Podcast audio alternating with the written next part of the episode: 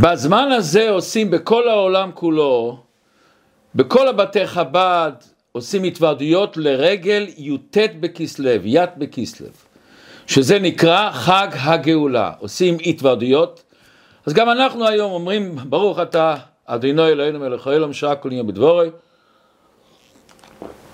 לחיים לחיים לחיים יידן. מה זה התוועדות? התוועדות עניינה שהאדם נפגש עם עצמו. יושבים ביחד, מנגנים ניגונים, אומרים דברי תורה ומנסים לגאול את עצמנו מעצמנו. יד בכיסלב זה חג הגאולה שבזמנו הלשינו על רבי שניאור זלמן מילדי בעל התניא מייסד תנועת החסידות חב"ד, הלשינו אותו בפני שלטונות הצער. ההלשנה הייתה בעיקר שהוא שלח כסף לארץ ישראל ולחסידים שעלו עליה ואמרו שהוא רוצה לעשות מהפכה ברוסיה. לקחו אותו למבצר בפטרבורג, היה 53 ימים במאסר, הוא השתחרר ביד בכיסלב תקנ"ט. ומאז בכל העולם כולו חוגגים את החג הגאולה. הניצחון שהיה לחסידים במשפט והשחרור של אדמו"ר הזקן זה היה ניצחון מלא לתורת החסידות וכמו שכתוב בספרים היה אז את הקטרוג על תורת החסידות ומאז תורת החסידות התפשטה והתרחבה בעולם בצורה נפלאה. י"ט בכסלו זה לא רק סתם יום של שמחה על מה שהיה פעם לפני מאות שנה, זה יום שמחה על מה שאנחנו מקבלים עד היום מתורת החסידות. אדמו"ר הרש"ב, שהוא הרבה החמישי לשלשלת של חב"ד, הוא הגדיר את הי"ט בכסלו כראש השנה לחסידות. ולכן בכל מקום מקום עושים את ההתוועדויות, ומקובל אצלנו שמייסד חסידות חב"ד בעל התניא אמר, מי שהשתתף עמי בשמחתי, הוציאנו מן המצר למרחב, מן הגיהינום לגן עדן. נו, מי מאיתנו לא רוצה לצאת מהמצר אל המרחב, לגאול את עצמנו מעצמנו? ננסה היום ביחד לבוא ולשמוח בעניינה הפנימי של תורת החסידות, באושר שלה, בשמחת חיים שלה, מה שהיא נותנת לכל אחד ואחד מאיתנו. וניקח היום נקודה אחת שתורת החסידות האירה אותה. ובואו נראה איך זה קשור לפרשת השבוע. יעקב אבינו שהוא נפגש עם עשיו, מה הוא אומר לו? יש לי כל. עשיו אומר יש לי רב, יעקב אומר יש לי כל. מה זאת אומרת יש לי כל? איך בן אדם יכול להרגיש שיש לו הכל? הרי העולם הוא מלא מלא מלא, אתה לא יכול להשיג את הכל. למה יעקב אמר אני מרגיש שיש לי הכל? אז היום השיחה שלנו תהיה מה נקרא עושר. מהי עשירות באמת? ואיך מגדירים לעושר פנימי להרגשה שפע וברכה.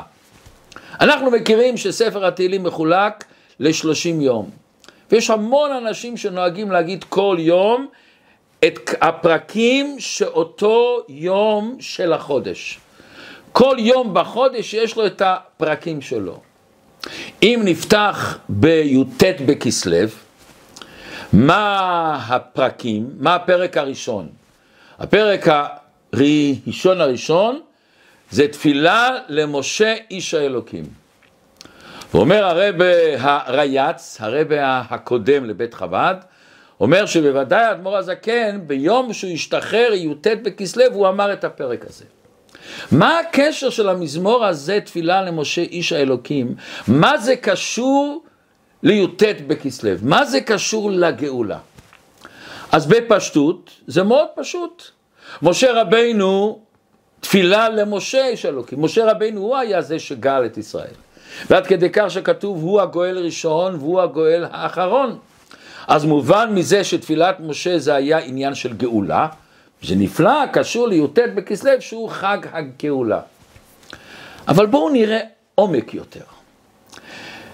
בספרי החסידות ובעוד ספרים איך שכתוב שתפילת משה היה תפילת עשיר. דוד המלך היה תפילת עני, משה רבינו תפילת עשיר. זאת אומרת שמשה רבינו היה עשיר בנפשו. מה הכוונה? הכוונה לומר שמשה רבינו היה איש עשיר שהיה לו הרבה כסף? וזה הביטוי שלו שהוא היה עשיר? מה זה מלמד אותנו? מה זה שייך לגאולה? וכי משה רבינו בגלל שהוא היה עשיר לכן הוא גאל את עם ישראל? זה העוצמה שלנו לצאת מהמיצרים שלנו? אז בואו קצת ניקח את המושג הזה של עשיר ועני ונפרק את זה כלל. בפשטות, מי שיש לו כסף, נכסים, נקרא עשיר. ומי שאין לו, נקרא עני. אבל כשפותחים את העניין בעומק, זה לא כל כך פשוט. ואני אספר לכם סיפור פשוט שאתם כולנו מכירים את זה מקרוב. היה איש עשיר אחד מאוד בארצות הברית, שראה למכירה יאכטה יפה מאוד למכירה.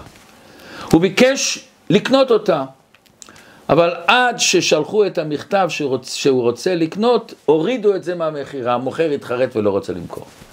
וזה מאוד כאב לו. והוא חיפש מי שיכול להשפיע על המוכר למכור את היאכטה הזאת. הוא מצא מישהו שהוא הלך אליו ודיבר איתו, והבן אדם אומר, אני לא רוצה למכור. הוא התקשר לחברה שעשתה את אותו יאכטה יפה ואמר, אני רוצה את היאכטה הזאת. התברר שזה לוקח ארבע שנים לבנות אותה. אבל הוא רצה את היאכטה עכשיו. והוא הרגיש מאוד רע, אין לי את היאכטה. כולנו מכירים המון אנשים שיש להם המון, אבל תמיד הוא מחפש יותר. ותמיד הוא רוצה יותר, ותמיד הוא לא מרגיש שיש לי קול, הוא לא מרגיש את זה. פסיכולוגים רבים שעשו מחקרים מצאו שלעיתים קרובות מאוד אנשים עשירים מרגישים חוסר יותר מאנשים שאינם עשירים. למה? זה פשוט מאוד. לעשירים יש יותר בעיות, יותר דאגות, והם נצמדים בכפייתיות להצלחה, להישגים, לכבוד, לפרסום. הם קשורים בזה. אנחנו מכירים את מה שכתוב מי שיש לו מנה רוצה 200, מי שיש לו 200 רוצה 400. אז בן אדם שיש לו 100 רוצה עוד 100. עשיר שיש לו 10 מיליון, מה ההשגות שלו? עוד 100 אלף, זה לא ההשגות שלו. הוא רוצה 20 מיליון, פי 2. אז הוא חסר יותר, הוא צריך יותר, הוא רוצה יותר. וזה לא סתם. בוא נגיד שבן אדם, יש לו דירה נגיד עם ארבע חדרי שינה גדולים. הוא מרגיש מאוד טוב, מטבח יפה, בשרי וחלבי מאוד יפה. ובא שכן שלו ובנה על ידו בית עם עשרה חדרי שינה. אוטומטי הוא מרגיש שהקיום שלו נהיה קטן. אוטומטי הוא מרגיש שאני כבר לא עשיר. מה חסר לך? יש לך את אותו בית עם אותו חדרי שינה, עם אותו סלון יפה ואותו מטבח, הכל אותו דבר. מה ישתנה? אנחנו מכירים את המשל שפעם המורה אמר, לקח גיר ועשה על הלוח קו. שאל את כל התלמידים, איך אני יכול לעשות את הקו הזה יותר קטן בלי שאני מוחק אותו? ואז ילד חכם אמר, תשים על ידו קו יותר גדול, ופתאום הוא נהיה קטן. ופתאום הבן אדם הזה שיש לו בית והכל טוב, ופתאום הוא מרגיש שהוא לא עשיר. בן אדם שמרגיש שיש לו הרבה כסף, יש לו נגיד עשרה מיליארד דולר, למה הוא כל כך עובד? הוא היה מסוגל לאכול את זה פעם בחיים שלו?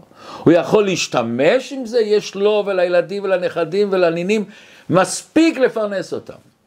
למה הוא כל כך עובד ועובד ועובד ועובד? מכיוון שההשגות שלו זה לא בשביל לחיות, בשביל ההרגשה שיש לי יותר. וכשהוא שומע שיש למישהו אחר יותר, אוטומטי הוא רוצה יותר. ומתברר שעשירים גדולים, שחקנים גדולים, זמרים מפורסמים, חווים יותר דיכאונות, לוקחים יותר תרופות וטיפולים נפשיים, ועד כדי כך התאבדויות. בכל 40 שניות מתאבד אדם. קרוב למיליון אנשים מתאבדים בשנה. ההתאבדויות זה אחד הסיבות המוות העיקריות יותר ממספר הרציחות שיש בעולם. ולפעמים כואב הלב שמדינות משקיעות המון כסף וזמן והשקעות למנוע רצח, אבל מצער כמה הם משקיעים למנוע התאבדויות. וההשקעה זה בחינוך הילדים שלנו, לתת להם ערכים, משמעות בחיים, ולא העיקר זה רק כסף. ואז פתאום אנחנו רואים שהמון המון המון דווקא השחקנים הגדולים, העשירים הגדולים, מתאבדים לפעמים.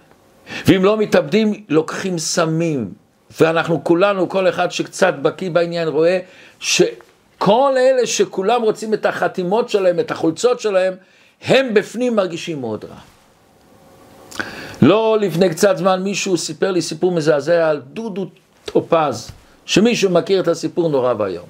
בן אדם שהיה לו הכל, וכולם רצו להתחלף איתו, והוא הרגיש ריקנות עד שהוא הלך לעשות מעשה שלא יעשה.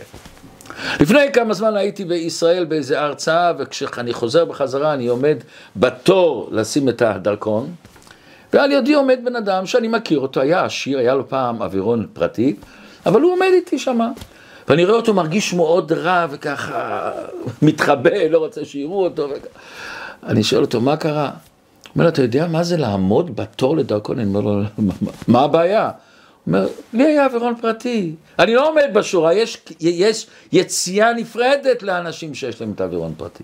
ופה אני צריך לעמוד כמו כולם. עולים לאווירון, הוא עולה במחלקה ראשונה. אני לא נמצא במחלקה ראשונה. אני מרגיש טוב, והוא מרגיש רע. ומסתכל לכל הצדדים, מי רואה אותו שהוא נמצא באווירון ואין לו את האווירון הפרטי שלו. פעם מספרים על, על אדמו"ר האמצעי, הבן של בעל התניא, הרבי השני לבית חב"ד.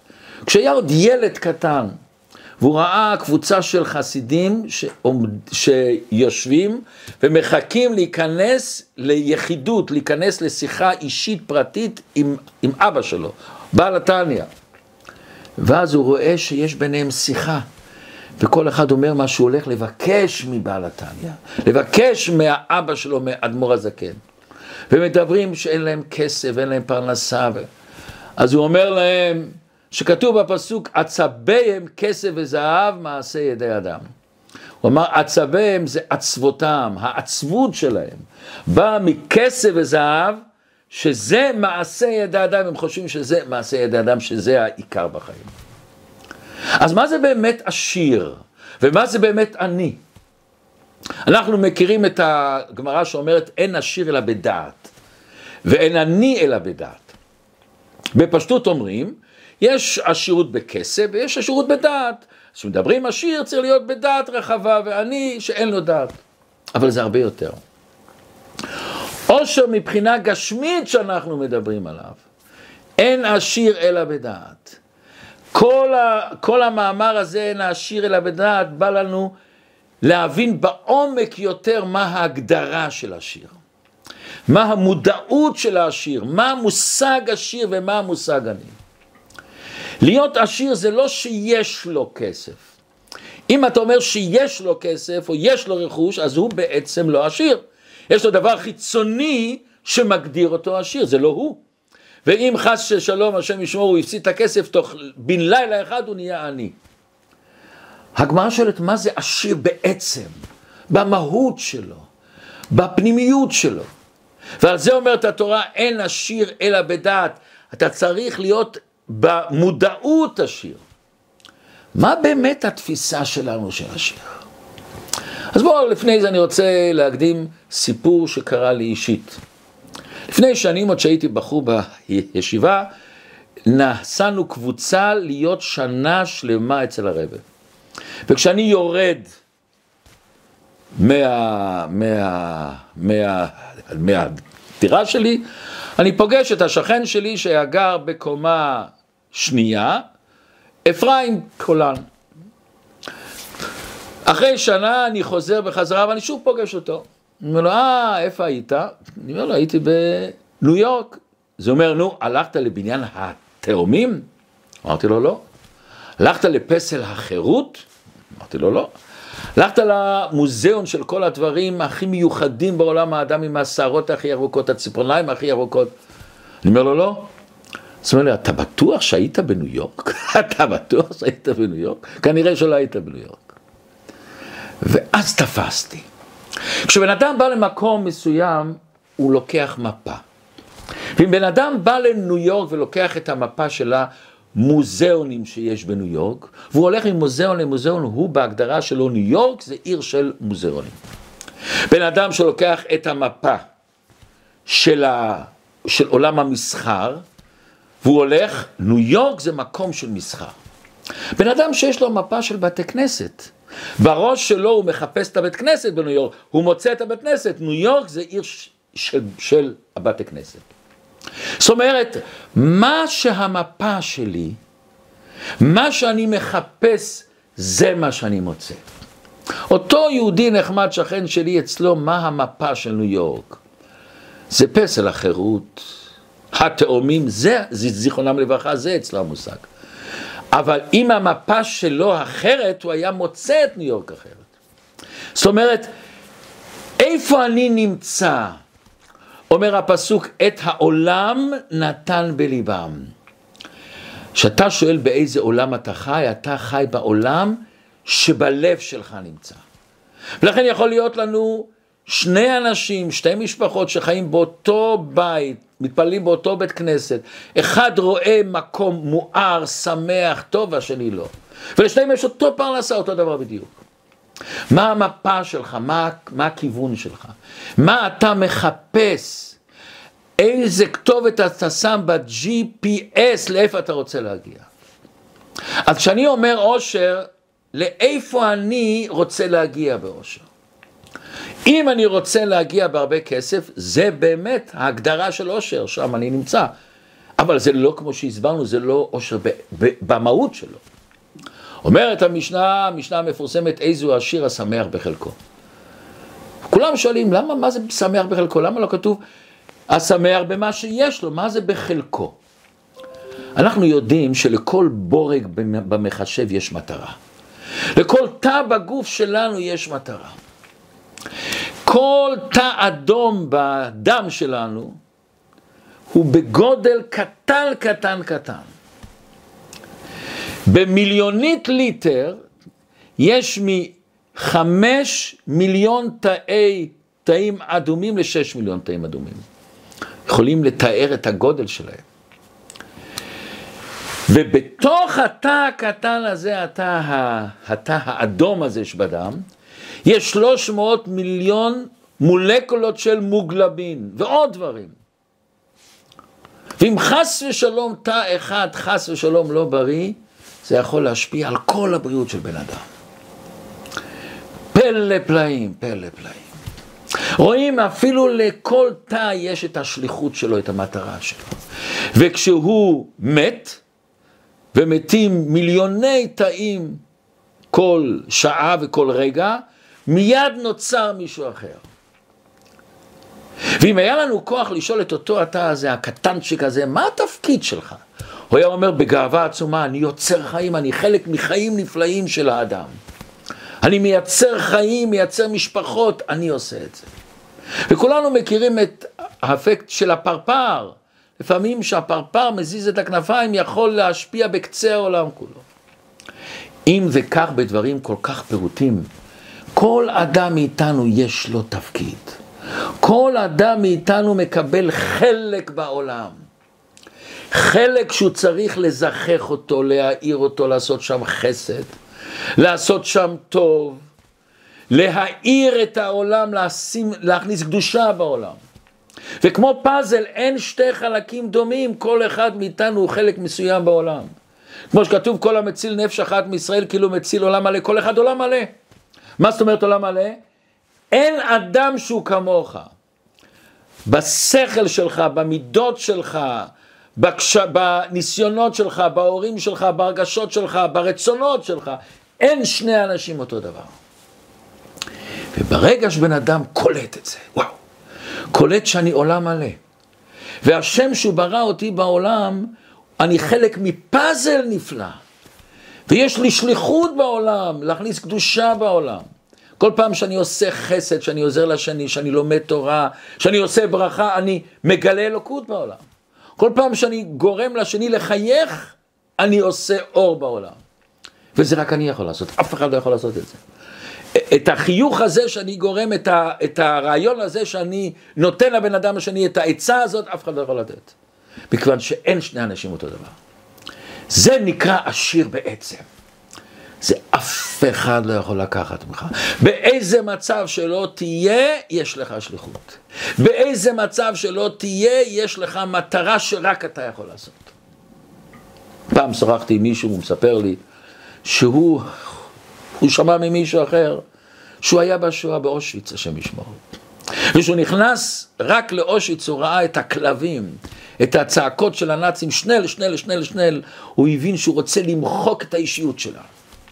שמו, שמו אותנו במיטות צפופות, העבידו אותנו בפרך, לא נתנו לנו אוכל, לא רצו שנחשוב, רק רצו לסכסך בינינו. רצו לקחת מאיתנו את הצלם אלוקים, לא רק את הגוף, את הנשמה שלנו, שנהיה כל הזמן שקועים איך לחיות עוד שעה, עוד רגע, גם אם זה על החשבון השני.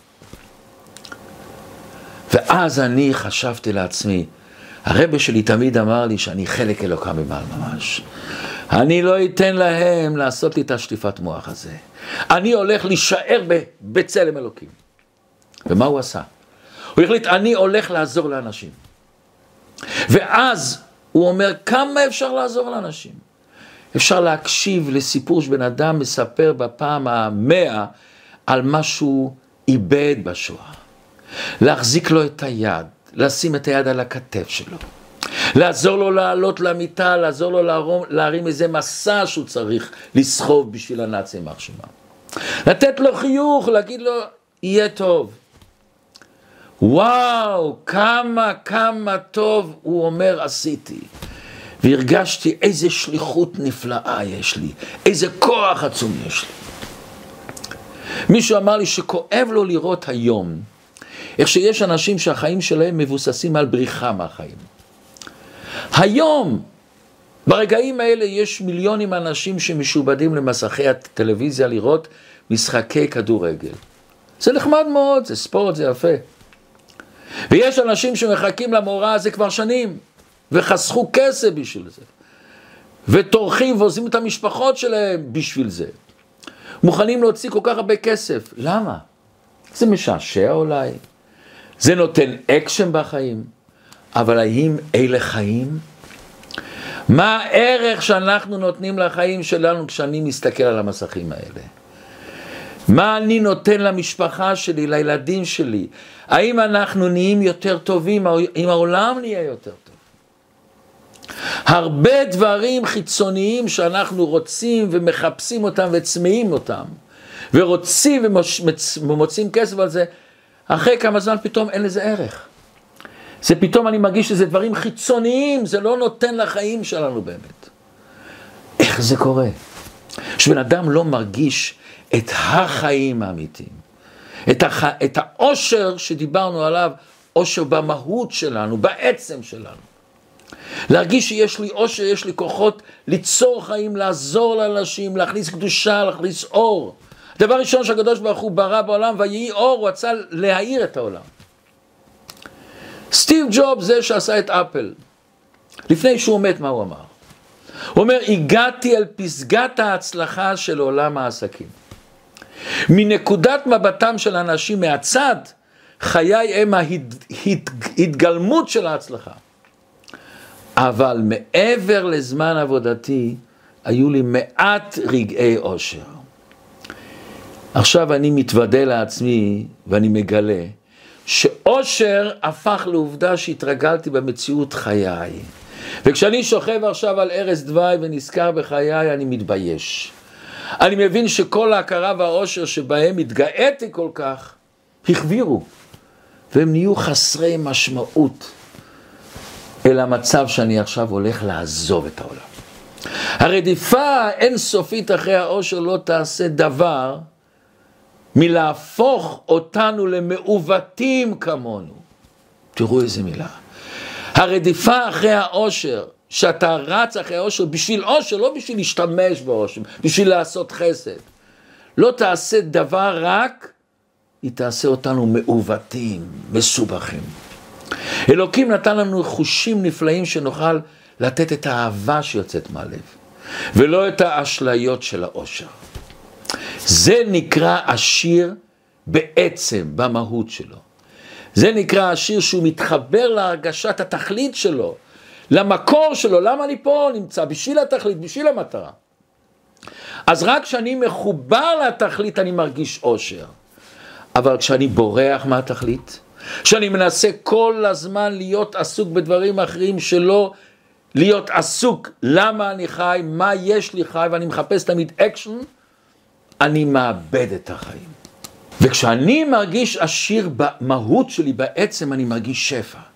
אני מרגיש שהקדוש ברוך הוא נתן לי כאלה כוחות עצומים, כאלה אפשרויות מזדמנים לי כל הזמן, כל הזמן הזדמנויות לגלות את העוצמה שלי, לעשות אור בעולם. וזה מה שהרבא אומר, עשירות, עשיר, זה לא רק שיש לו את מה שהוא צריך, הוא מרגיש שפע ברכה. שפע. אני במהותו זה גם שיש לו כסף הוא מרגיש שהוא לא עשיר, הוא מרגיש שהוא תמיד צמא למשהו, חסר לו משהו. ההבדל בין עשיר לעני, עשיר מרגיש שבע והעני מרגיש כל הזמן חסר. עשיר שלא מרגיש שבע הוא בעצם עני, הוא צריך עוד ועוד ועוד. חסר לו דברים מבחוץ. לכן התפילה של משה רבנו נקראת תפילת עשיר. משה רבנו כל הזמן הרגיש את השליחות שהשם שלח אותו. לגאול את עם ישראל, הוא הרגיש שפע, ערך עצום. וכל התפילה שלו הייתה על מה שעם ישראל צריכים. הוא הרגיש מלא מלא מלא באושר. וזה נקרא תפילת השיר. וזה הפירוש אין עשיר אלא בדעת. אתה מחפש אושר? תתחיל לחפש אותו בדעת. יש המון אנשים שמחפשים כבוד. תשומת לב. לפני שנים פעם נכנס אחד לבית חב"ד ונכנס לשיעור. ואני רואה שבחוץ כזה צובע את השערות שלו בצבע אדום, סגול, צהוב, כל מיני צבעים. אני שואל אותו, אה, זה מאוד יפה, למה אתה עושה את זה? הוא אומר, אני רוצה, איך אומרים בעברית, לצפצף על העולם. אני לא רוצה להתייחס לעולם. דיברנו, דיברנו, דיברנו, ואחרי זה אני לוקח אותו בצד ונכנסנו לשיחה ואני אומר לו, מותר לי להגיד לך משהו, אבל כן, בשמחה אני רוצה לשמוע. הוא אומר לי, אז, אז אני אומר לו, הרבה אנשים, לא אתה, אני לא יודע אתה, אבל הרבה אנשים שעושים את הצבע הזה, אתה יודע למה?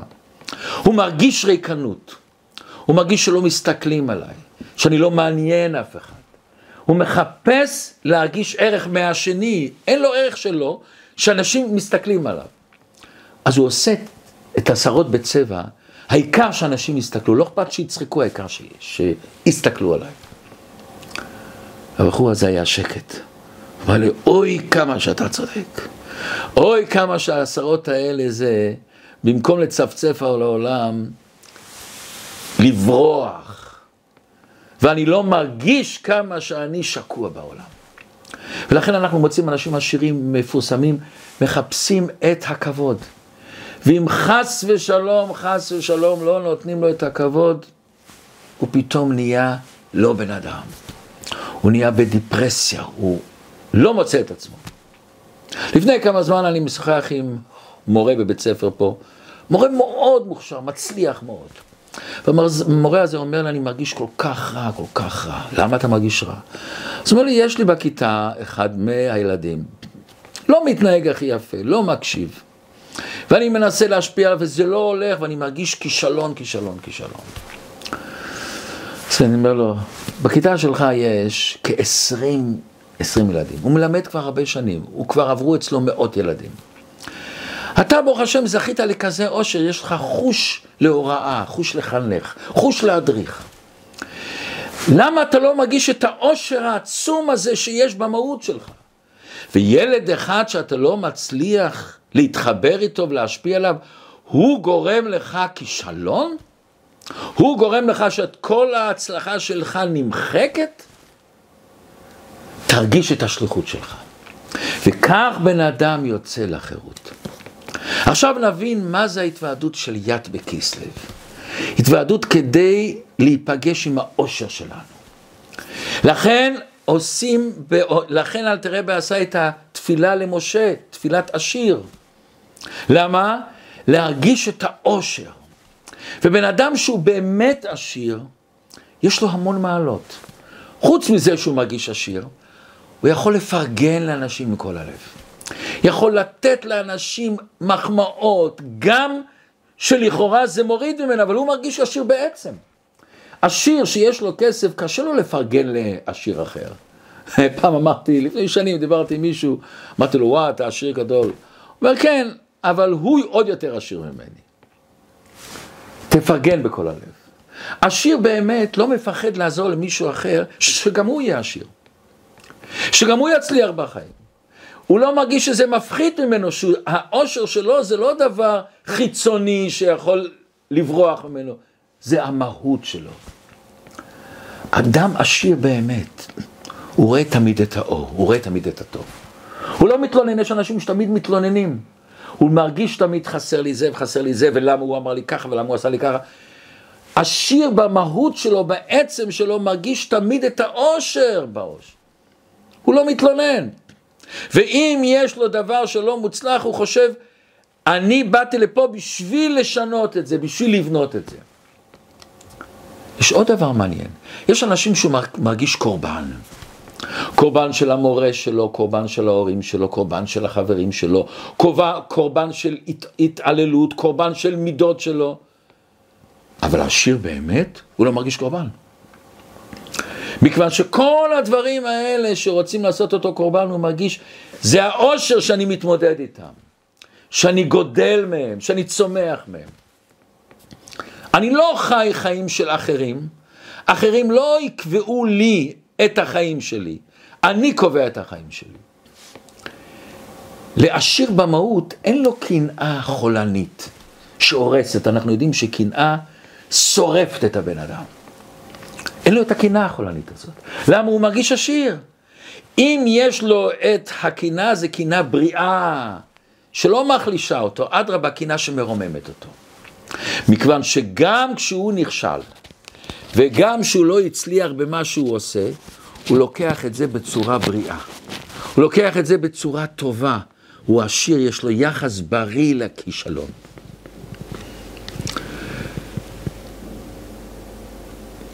היה יהודי חסיד מוטל זיינס. אחרי י' שבט תש"י, שהרבה הרייץ, הרבה השישי לבית חב"ד נפטר, הוא בא אל הקבר של הרבה וכתב מכתב עם כל הלב. וכתב רבה, אני מרגיש שהעולם חשוך. אתה נפטרת, אני מרגיש חשוך. אחרי כמה זמן הרבה התוועד. והרבה של, של עכשיו היום, לאחרי הרבה, אחרי הפרדיקי רבה, התוועד, ובאמצע ההתוועדות הוא מסתובב לאותו רב מוטל. ואומר לו, רב מוטל, העולם מואר. רבי באיזשהו מקום הרגיש ברוח הקודש את הצער שלו. והוא אומר לו, העולם מואר. יש שתי אנשים שחיים, אחד שהוא עשיר בעצם במהות, הוא מרגיש העולם מואר. הוא מרגיש, אני חי פה, יש לי שליחות, יש לי מטרה. הוא קשור לדעת עליון, הוא קשור למבט של הקדוש ברוך הוא. אבל יש אדם שהוא קשור לדעת התחתון, קשור לנפש הבהמית שלו. למה שחסר ולמה שאין ולמה שלא טוב, והוא מקנא כל הזמן והוא לא מרגיש טוב עם עצמו. השיר במהות הוא קשור למבט של הקדוש ברוך הוא. ותראו פסוק נפלא. איך שכתוב, ותמונת השם יביט. יש ביאור נפלא של החסידות. אומרים לבן אדם, אתה יכול להסתכל על העולם מנקודת מבט של בן אדם פשוט, של נפש הבהמית. אבל אתה יכול לצאת מהגבולות שלך, לצאת מהמחיצות שלך. להסתכל על העולם מנקודת מבט של הקדוש ברוך הוא. לחזות בתמונה שנפרשת כביכול לעיני הקדוש ברוך הוא. להרגיש שכל אחד הוא בשליחות של הקדוש ברוך הוא, הוא שליח של הקדוש ברוך הוא. לצאת מהסתכלות אנושית וארצית, לאמץ מבט אלוקי על הבריאה. לנסות להביט בעולם דרך עיניים אלוקים, אנחנו לא יכולים את זה, ברור שלא יכולים כמות שזה, אבל משהו, לטעום מזה. לראות, לזכך את הראייה שלנו, לעבור מראייה חיצונית לראייה פנימית. ונורא כואב הלב שלפעמים אנשים מאבדים את כל החיים, את כל שמחת חיים, את כל המשפחה שלהם, רק בשביל המבט הפיזי.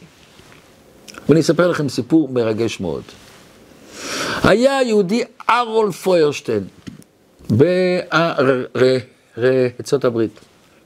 הוא היה בעל של בית חרושת גדול מאוד לטקסטיל. בסוף 1995, למניינם, הייתה שריפה עצומה, ושרפה את כל המפעל העצום של הטקסטיל שלו. המפעל הזה נשרף שבוע שלם, השריפ, האש בערה שם. עד שהצליחו לעבור ולכבות, הכל נגמר. מפעל עצום שבאותו זמן היה היקף המכירות שלו 400 מיליון דולר. עבדו אצלו 2,400 עובדים, נורא ואיום. הכל נגמר. ואז הוא יכל לקבל מהביטוח 350 מיליון דולר, אני מדבר במושגים של 1995, שהיום זה הרבה הרבה הרבה יותר, וכולם היו בטוחים שהוא ייקח את הכסף, בפרט שהוא היה בן 70 שנה, בדיוק היה לו יום הולדת של 70. נו, אז מה, מה תעשה? גמרת, העסק נשרף, העובדים ילכו לחפש אה, עבודה אחרת, ולא עובר יום אחד, והוא אסף את כל הפועלים, ובאו גם אנשים מהעירייה, ראש העיר ועוד. והוא אומר, אני רוצה להודיע לכם ידיעה חשובה מאוד. אני לא סוגר את המפעל. אני לוקח את כל הכסף והולך לבנות מחדש את המפעל הזה. וואו, אדם ב-70 יכול לקחת את הכסף, לחיות בשלום, בשלווה, חוץ מזה שהיה לו כסף גם כן. מה תתחיל בין 70 לבנות מפעל חדש, להתחיל עסק חדש, מכונות של, של תפירה, של הריגה. אבל אז כולם אומרים בראבו, אבל הוא אומר רגע, רגע, רגע, רגע. אבל אני נותן לכל האלפיים ארבע מאות פועלים משכורת עד שהבניין יהיה עומד. כל הפועלים יקבלו את אותו משכורת חינם, בלי כסף, בלי שהם עובדים כרגע. הוא בנה מפעל חדיש יותר משוכלל, באותו מקום שהיה המפעל השרוף, וכל השנים האלה שבנו, הוא שילם לכל העובדים משכורת מלאה. ואנשים בכו, התרגשו, שהוא לא זורק אותנו, ממשיך, ממשיך לתת לנו. ואז אנשים שואלים אותו, איך אתה עשית את זה? איזה בן אדם נורמלי עושה, היית יכול לקחת את הכסף, לסגור את המפעל ונגמר. ואז הוא אומר, ומה הייתי עושה עם הכסף? הייתי אוכל יותר? קונה עוד יאכטה? קונה עוד אווירון? אני מעדיף לדאוג לקהילה שלי. אומר, זה קיבלתי מאבא שלי, אבא שלי היה יהודי חרדי, ואני המשכתי את הדרך שלו. ואבא שלי אמר לי, במקום שאין איש, אהיה איש. כל אחד מאיתנו צריך לזכור, יש לי שליחות בעולם. אם אני נמצא במקום ואני יכול לעשות משהו, כמו שמרדכי אמר לאסתר את המשפט החודר לב, ומי יודע אם לעת כזאת הגעת למלכות. אם אני רואה מישהו שצריך עזרה, אם אני רואה מצב שאני צריך לארגן איזה שיעור תורה, אם אני רואה איזה מצב שאני יכול לעשות מצווה, לעשות, לקדש שם שמיים. מי יודע אם לעת כזאת, זה השליחות שלך, פה, פה אתה צריך להיות, במקום שאין איש. אותו בן אדם, פוירשטיין, לא ראה כסף. הוא לא ראה עושר שאנחנו רואים. אין עשיר אלא בדעת, הוא ראה משהו אחר, הוא ראה לקדש עם שמיים. הוא ראה לתת לאנשים אור בעיניים, לתת לאנשים שהם יכולים להמשיך את החיים שלהם. זה הוא ראה. וזה ביד כסלו אחד הדברים שאנחנו לומדים חג הגאולה. לגאול את עצמנו מעצמנו, מההגבלות שלנו, מהצמצומים שלנו, מהמבט הלא נכון שלנו. לנסות לראות מבט רחב יותר, אלוקי יותר, בכדי שנרגיש אושר, ואז נרגיש מעין דמעין מה שיעקב אבינו אומר, יש לי קול, אני מרגיש שיש לי הכל. וזהו איזה השיר השמח בחלקו, מה זה בחלקו? בחלק שהשם נתן לך לברר אותה. שבאנו לארץ, לארץ ישראל, כל אחד קיבל את החלק שלו, כל שבט וכל משפחה.